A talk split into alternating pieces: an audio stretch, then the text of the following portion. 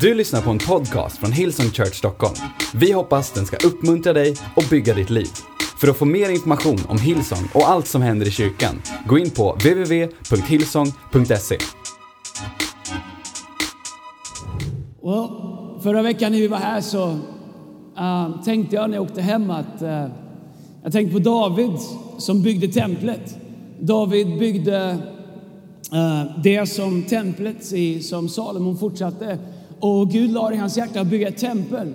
Uh, ett tempel där kristna kunde samlas och lovsjunga och tillbe. Och, men också en plats där, där de byggde en fysisk byggnad uh, som uh, representerar olika saker. Det representerar att Gud var närvarande i staden. Och när man tänker på Sverige, oavsett de utmaningar som har funnits, så, så var det så att när Sverige etablerades, så innan man började bygga nya byar och städer, innan folk byggde sina hus, så byggde man en kyrka som ett sätt för att liksom bekräfta att Gud är närvarande här. Och jag tänker på att även om vi inte bygger byggnader så här länge, vi drömmer fortfarande om att, att bygga vår egen byggnad i, uh, i Stockholm, vilket vi en dag kommer att göra i Jesu namn. Så, uh, så finns det fortfarande någonting att säga om att bygga saker för Gud. Och när jag var här så tänkte jag på vad, vad, vad, vad det måste ha, vad mycket David måste ha brunnit för att göra det.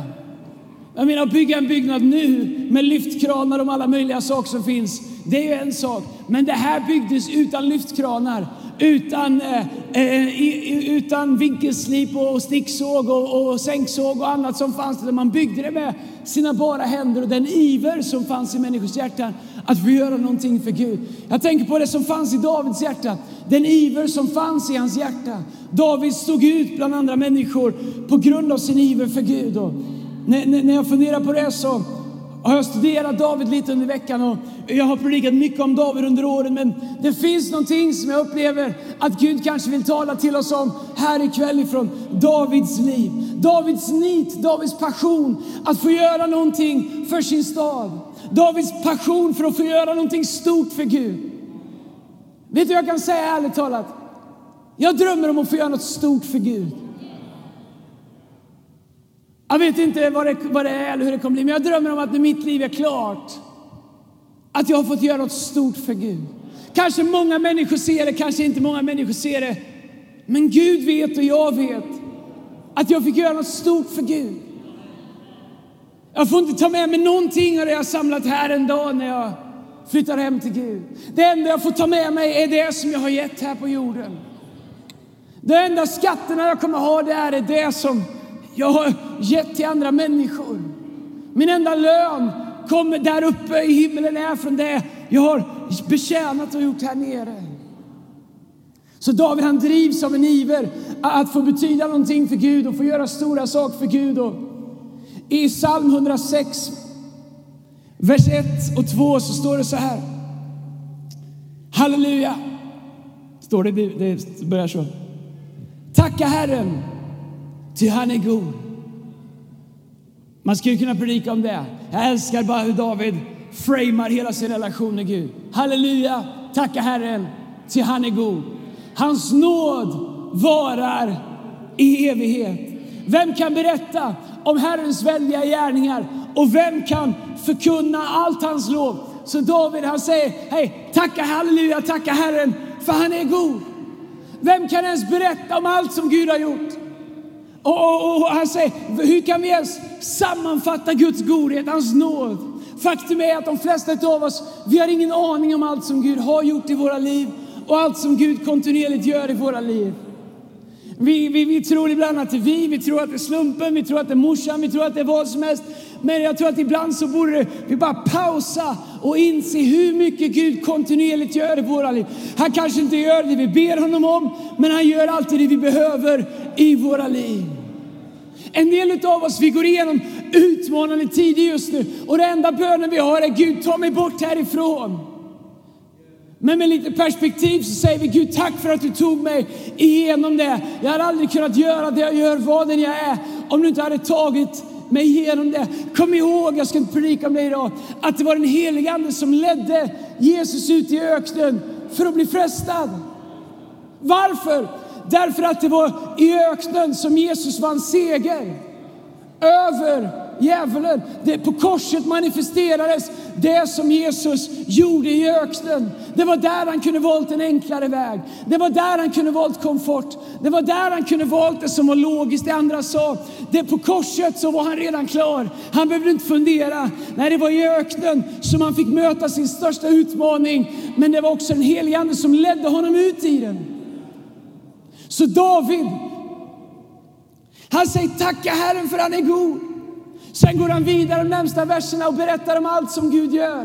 Du kan läsa när du kommer hem. Han beskriver Guds godhet. Han beskriver vad Gud har gjort. Han beskriver vem Gud är och vad Gud gör. Sen helt plötsligt i vers 12 så står det så här. Efter att han har berättat om allt vad Gud gör så står det så här. De trodde på hans ord och de sjöng hans lov. Vers 13. Men snart glömde de hans gärningar och väntade inte på hans nåd.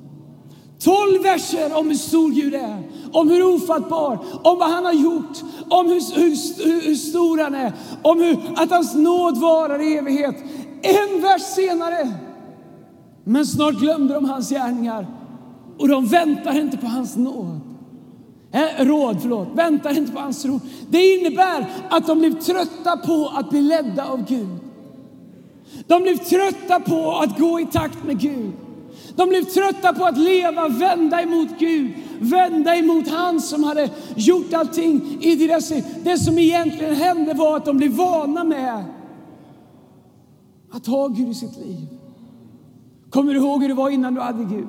En del av, för en del av oss är det supertydligt. För en del av oss så vi har växt upp in i det och det är fantastiskt. Om du är idag och känner mig, jag har ingen sån där vittnesbörd, jag har inte knarkat, slåss, jag har inte gått runt med en kniv i ryggen och har inget bra vittnesbörd om hur jag mötte Jesus en dag. Well, om du växte upp i en kyrka, fick lära dig Jesus och vuxit upp i tron, det är ju awesome. Det är ju det som är det bästa, det är ju det vi gör allt för att våra kids och youth i våra kyrka ska göra. Men för en del av oss, vi kommer ihåg hur livet var innan Gud. Och lite nu och då så blir vi påminna om det, men hur enkelt är det inte att glömma? Hur enkelt är det inte att tro att vi har kommit hit på grund av oss själva? Att det var vi som lyfte oss i håret och gjorde för oss själva det som nu är gjort för oss. Hur enkelt är det inte för oss att, att, leva liv som ständigt pendlar mellan vers 12 och mellan vers 13. I vers 12 där man sjunger hans lov och vers 13 där man glömmer allt som han har gjort. David var en gudsman.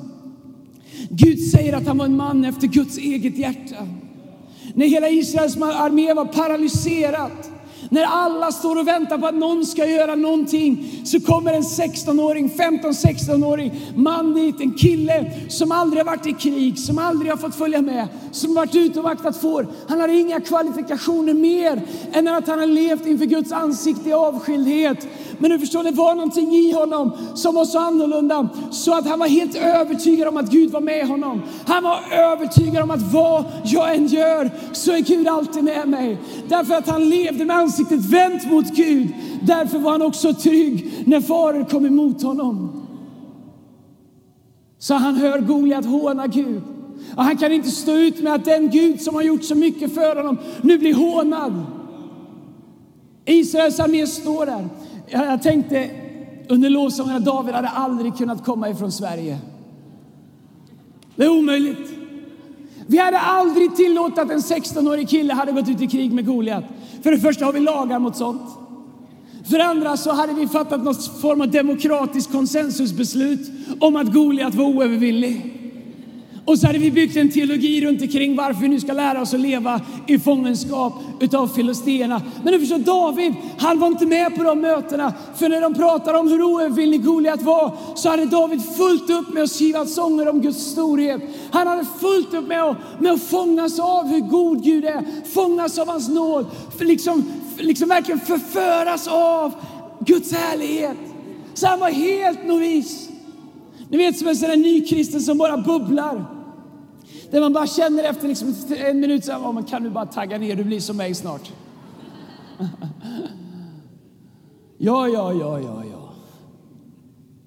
Så David han säger, men jag kommer inte stå här kommer inte stå här och lyssna på det här. Allt David kunde tänka på var att tjäna Gud. Allt David kunde tänka på var att följa Gud, att vara Gud lydig, att sätta Gud först i sitt liv. Så i första Samuelsboken 17 och 45 så står det så här. David svarar Filisten efter att han har gått upp mot honom med bara fem stenar. Så står det så här, David svarar Filisten, du kommer emot mig med svärd, spjut och lans. Vad är det han säger? Du kommer emot mig med det som du litar på.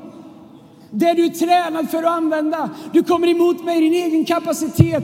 Du vilar på ditt intellekt. Du vilar på din erfarenhet. Du vilar på tidigare segrar. Du vilar på det som du kan prestera. Du vilar på din makt. Du vilar på din position. Du vilar på din status i samhället. Du vilar på allt det där som världen tillber. Så David säger, du kommer emot dig med, din, med ditt svärd, med ditt spjut, med din last. Men han säger, men jag kommer emot dig i Herren Sebaots namn. Det han säger, det är Goliat, du kanske inte tycker att jag har mycket.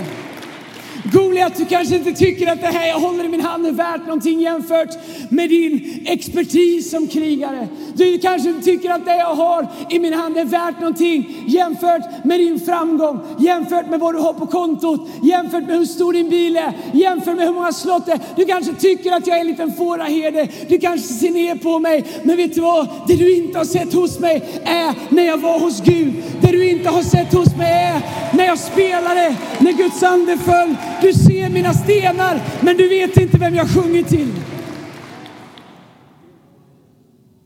Paulus säger, låt ingen se ner på dig för att du är ung. Det betyder inte bara ung i ålder. Paulus säger, låt ingen se ner på dig för att du inte har vad andra har. Du kommer emot mig med spjut och svärd och lans, men jag kommer emot dig. Kan vi få upp texten igen? Jag kommer emot dig med Herren i Herren Sebaots namn. Han är Gud för Israels här som du har hånat. Herren ska den här dagen överlämna dig i min hand. Jag gillar honom, han är, han är stöddig som bara en tonåring kan vara. Och jag ska slå ner dig och jag ska ta huvudet av dig. Jag ska denna dag ge de filisteiska krigarnas, nu, bara, nu börjar han trashtalka, ge de filisteiska krigarnas döda kroppar åt himlens fåglar, åt jordens vilda djur och hela världen ska förstå att Israel har en Gud. Han säger I don't care what you have. Därför att han vet vad han bär. Och ingenting kunde få honom. Ändå så läser vi i Saltaren att samma David några år senare går ifrån att tacka Gud till att glömma allt vad Gud har gjort. Gud som var med David som blev kung gjorde fantastiska saker. Men någonstans tappar David fokus. Man, man, man, säger om David att de, de första åren med David i någonstans mellan 15 och 20 år så David väntade på att bli kung över hela Israel. Man kallar honom David och hans rövarband. Han bara drog runt och vann seger efter seger efter seger efter seger efter seger. Det fanns ingen, var överallt där man försökte ockupera Guds land, överallt där man försökte sätta Guds folk i fångenskap. Det man visste var att David kom som Zorro om natten. Sorry, googla sorro. Han kom som Zorro om natten och, spelade ingen roll vart det var. Han var redo att sätta Guds folk fri när som helst. Så blir han kung. Den här herdepojken som kommer med fårskit på fötterna och rött, fräkt, rött krulligt hår. Han såg ut som Tobias Gard förr i tiden. Tobias Gard som för övrigt fyller 42 år idag. Stort grattis! Den där David som dök upp med finnar och fräknar och precis kommit till målbrott. Nu kommer ni mot mig med svärd och lans. Men jag kommer emot dig. Han är nu kung. Om man säger Saul har slått sina tusen men David har slått sina tiotusen. Vet ni vad han gjorde med Goliats huvud efter att han huggit av det? Han red runt med det på sin häst och höll upp det så här. I mean, det är bara, that's just too much. En dag, David, som inte gick att stoppa, står det i Andra Samuelsbok kapitel 11, vers 1.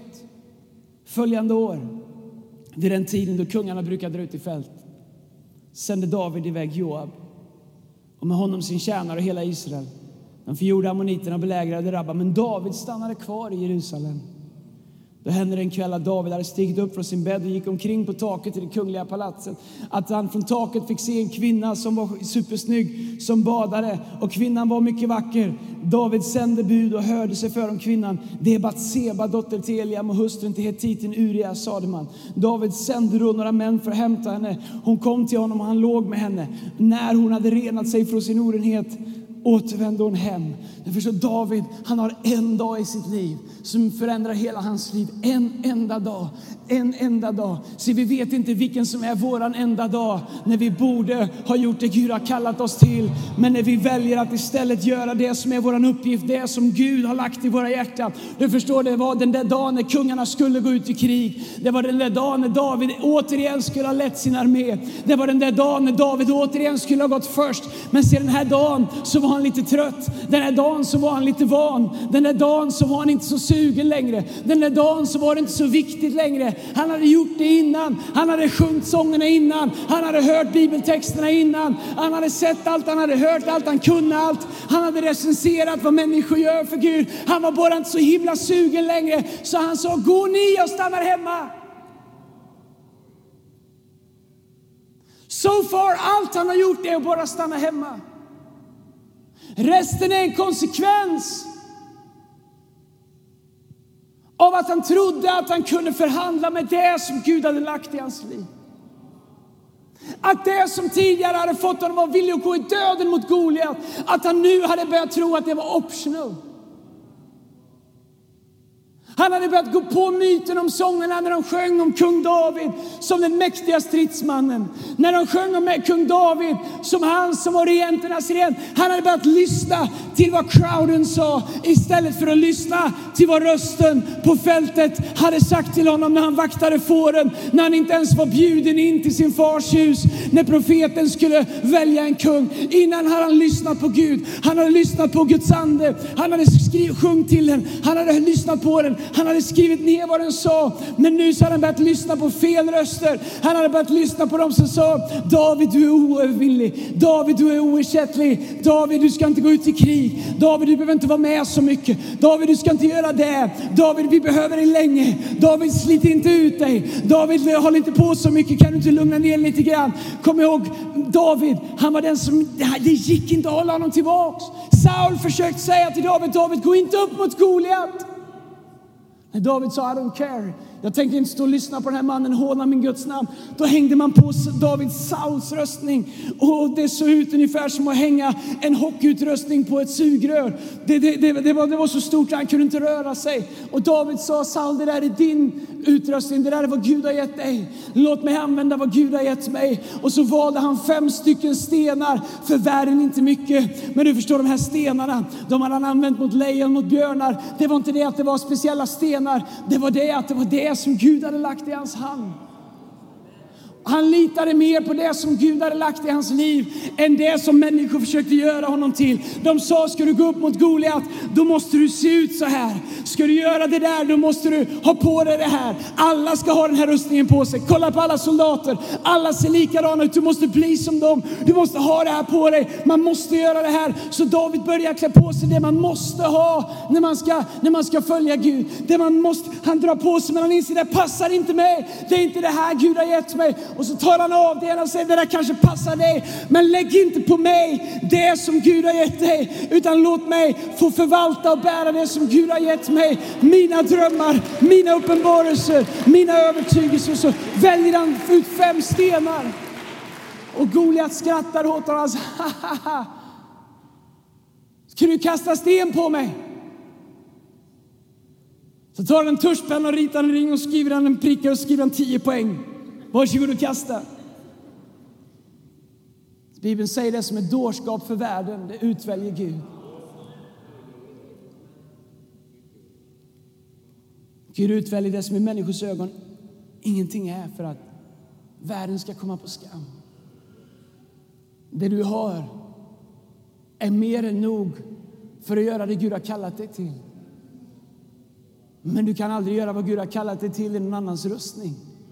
Så David är passionerad, han gör vad som helst. Nu är det dagen när han ska gå ut i krig. Nu är det dagen när han ska leda, när han ska göra, när han ska steppa upp och han bara känner, ah, jag är inte så himla sugen längre. Det är inte så himla roligt längre. Jag är trött på det här. Det är dags för någon annan att ta över. Nu får de unga ta över.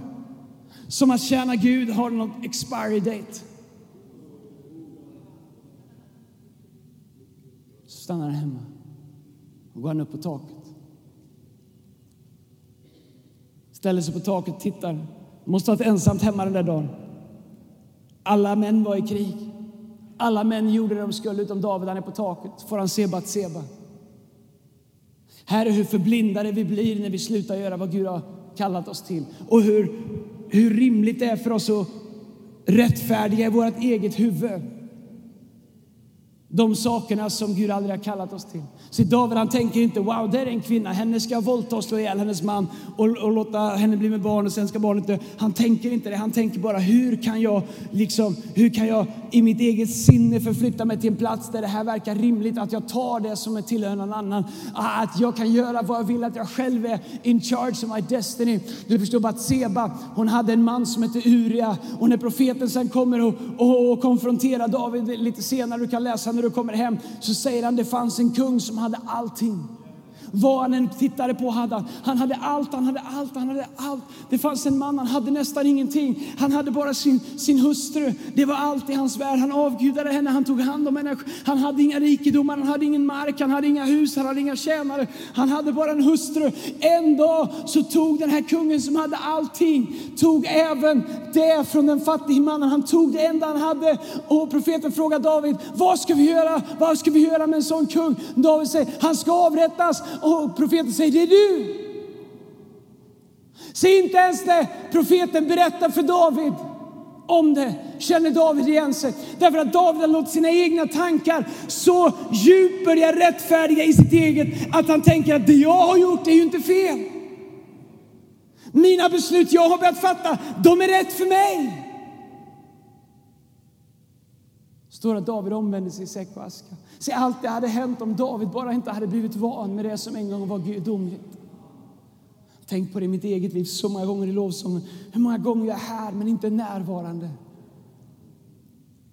Men kommer du ihåg, jag har sagt det innan när, när jag kom tillbaks till Gud, när ah, jag lämnade allt, allt jag hade var en hockeytrunk med, med, med, kläder och 150 dollar. Men varje lov som var som att det gällde livet. Och här, ibland när man står där i kyrkan, pastor och allt och anställd i kyrkan och allt så, när man står där och bara just den sången, den går så, sen går den så, sen går den så. Får se hur det går nu då. Jaha, får se om de, om de är med på ljudet där när synten ska upp där. Jaha, det var de, det var ju bra. Och så, och så det som en gång det som människor i vissa länder är beredda att gå i fängelse för. Bibeln som människor, människor är beredda att hamna i fängelse i arbetsläger. Jag läste, jag har sagt det, jag läste om en pastor som i 18 år stod i en latringrop. Det innebär på ren svenska att du står i en grop där människors avföring är. I ett fängelse stod han där och hans jobb var att allt eftersom den här gropen fylldes på så stod han rent ut sagt med skit upp till midjan och öste så att det inte skulle bli fullt. Vet du, 18 år fick han stå i den här gropen. Vet du vad han hade gjort? Han ägde, jag tror att det var fyra kapitel ur Johannes evangelium. När han kom ut därifrån så tackade han Gud för att han hade ansågts värdig att lida för evangelium. Vad hände i David egentligen? Han som skulle tjäna Gud. Han som sjöng hans lov, men snart glömde han vad Gud hade gjort. Vad händer i våra liv? Vi som ska bygga en kyrka som förvandlar nationen. Helt plötsligt så glömmer vi vad han har kallat oss till. Helt plötsligt så, så är det någon som skriver ett mejl till mig och inte gillar min predikan och då tänker jag att de kan ta både predikningar och allt annat och stoppa upp det solen inte lyser. Och så tänker jag I'm done! Sänk på mig den helige Ande om mig. Det var jag som kallade dig. Det är mig du lyder. Det är mig du tillber. Det är mig du känner. Nu får jag inte många sådana mejl, vill bara säga det. 99,9 procent är uppmuntrande. Men det krävs bara ett bland hundra för att tänka, gör det själv då. Puck, inte pucko skulle jag aldrig tänka, men alldeles för kristen för det. Vad krävs för att det som vi en gång var beredda att ge upp allt för, för att vi skulle kunna leva med och inte längre ha det i våra liv? Vad krävs för att det som är heligt ska bli vardagligt i våra liv? Vad krävs för att det som var värt allt ska bli saker vi både kan ha och mista i våra liv?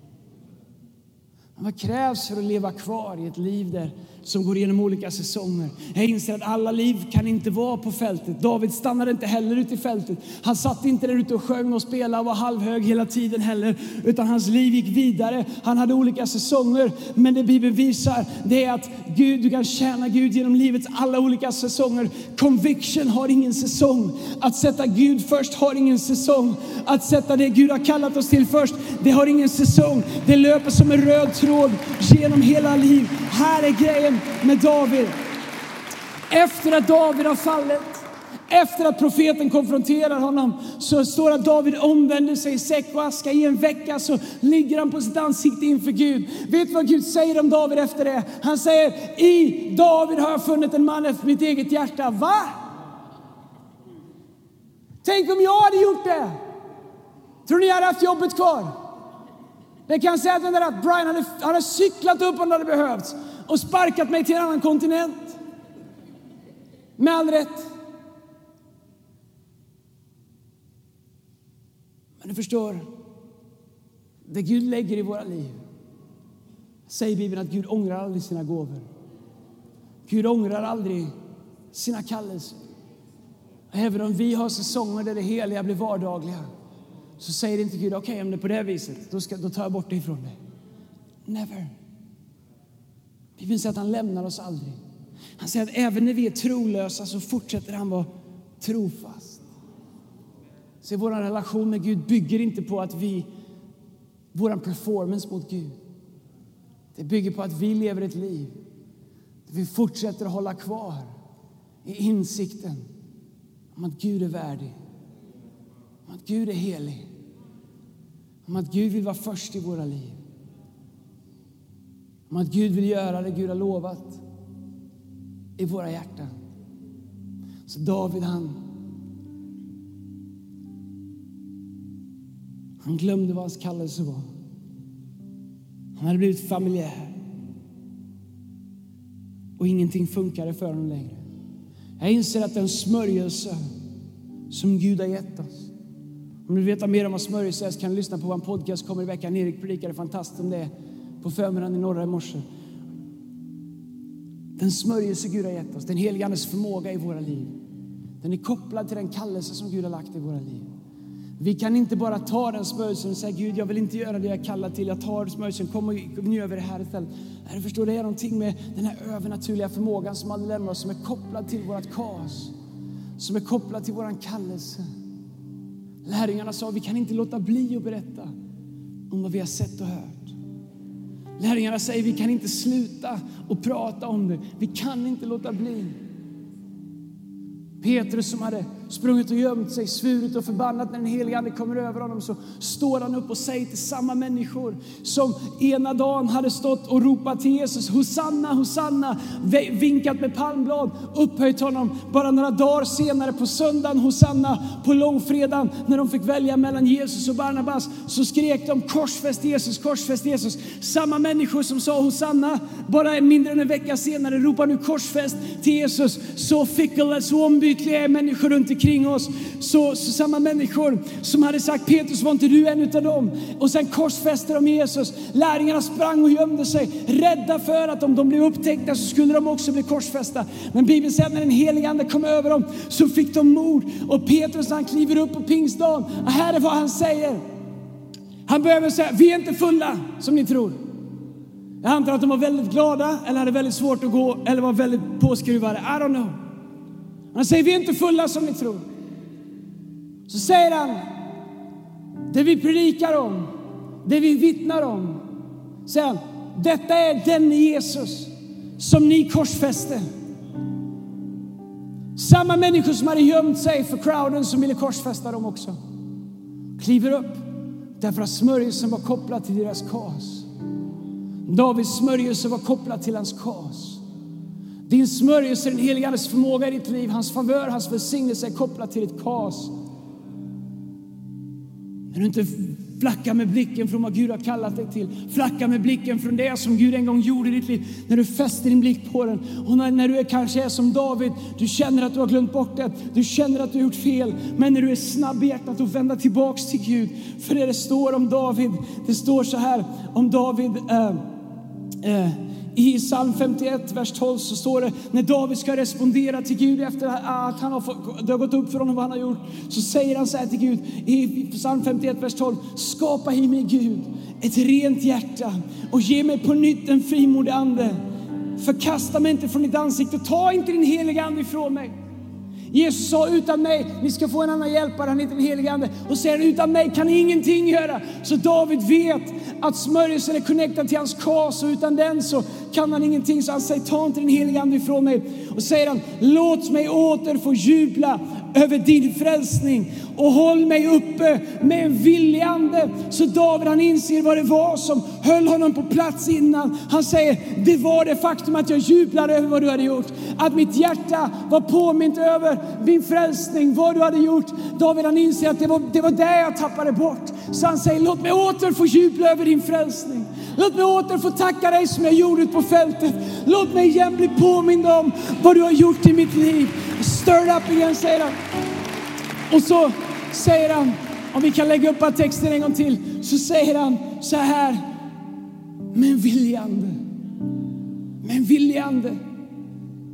Det är som att han inser att det är min villighet som kommer hålla mig till det som Gud har kallat mig till. Frälsningens glädje och en villig ande. Gud responderar. I David har jag en man efter mitt eget hjärta. Vilken uppmuntran det är och vilken tröst det är att Gud är trofast. Men vilken påminnelse det är också. Att när vi sänker blicken, David säger jag lyfter min blick mot bergen, min hjälp kommer från honom som har skapat himmel och jord. Han sover aldrig, han vacklar inte. Om en tusen faller vid min högra sida, om en tiotusen vid min vänstra sida så ska han aldrig lämna mig. Han vacklar aldrig. Vilken påminnelse det är om att fästa vår blick på det som är viktigt. Det som är av värde, det som är av evighetsbeständigt. Påminna oss om vad han har gjort. Kom on, ska vi stå upp tillsammans?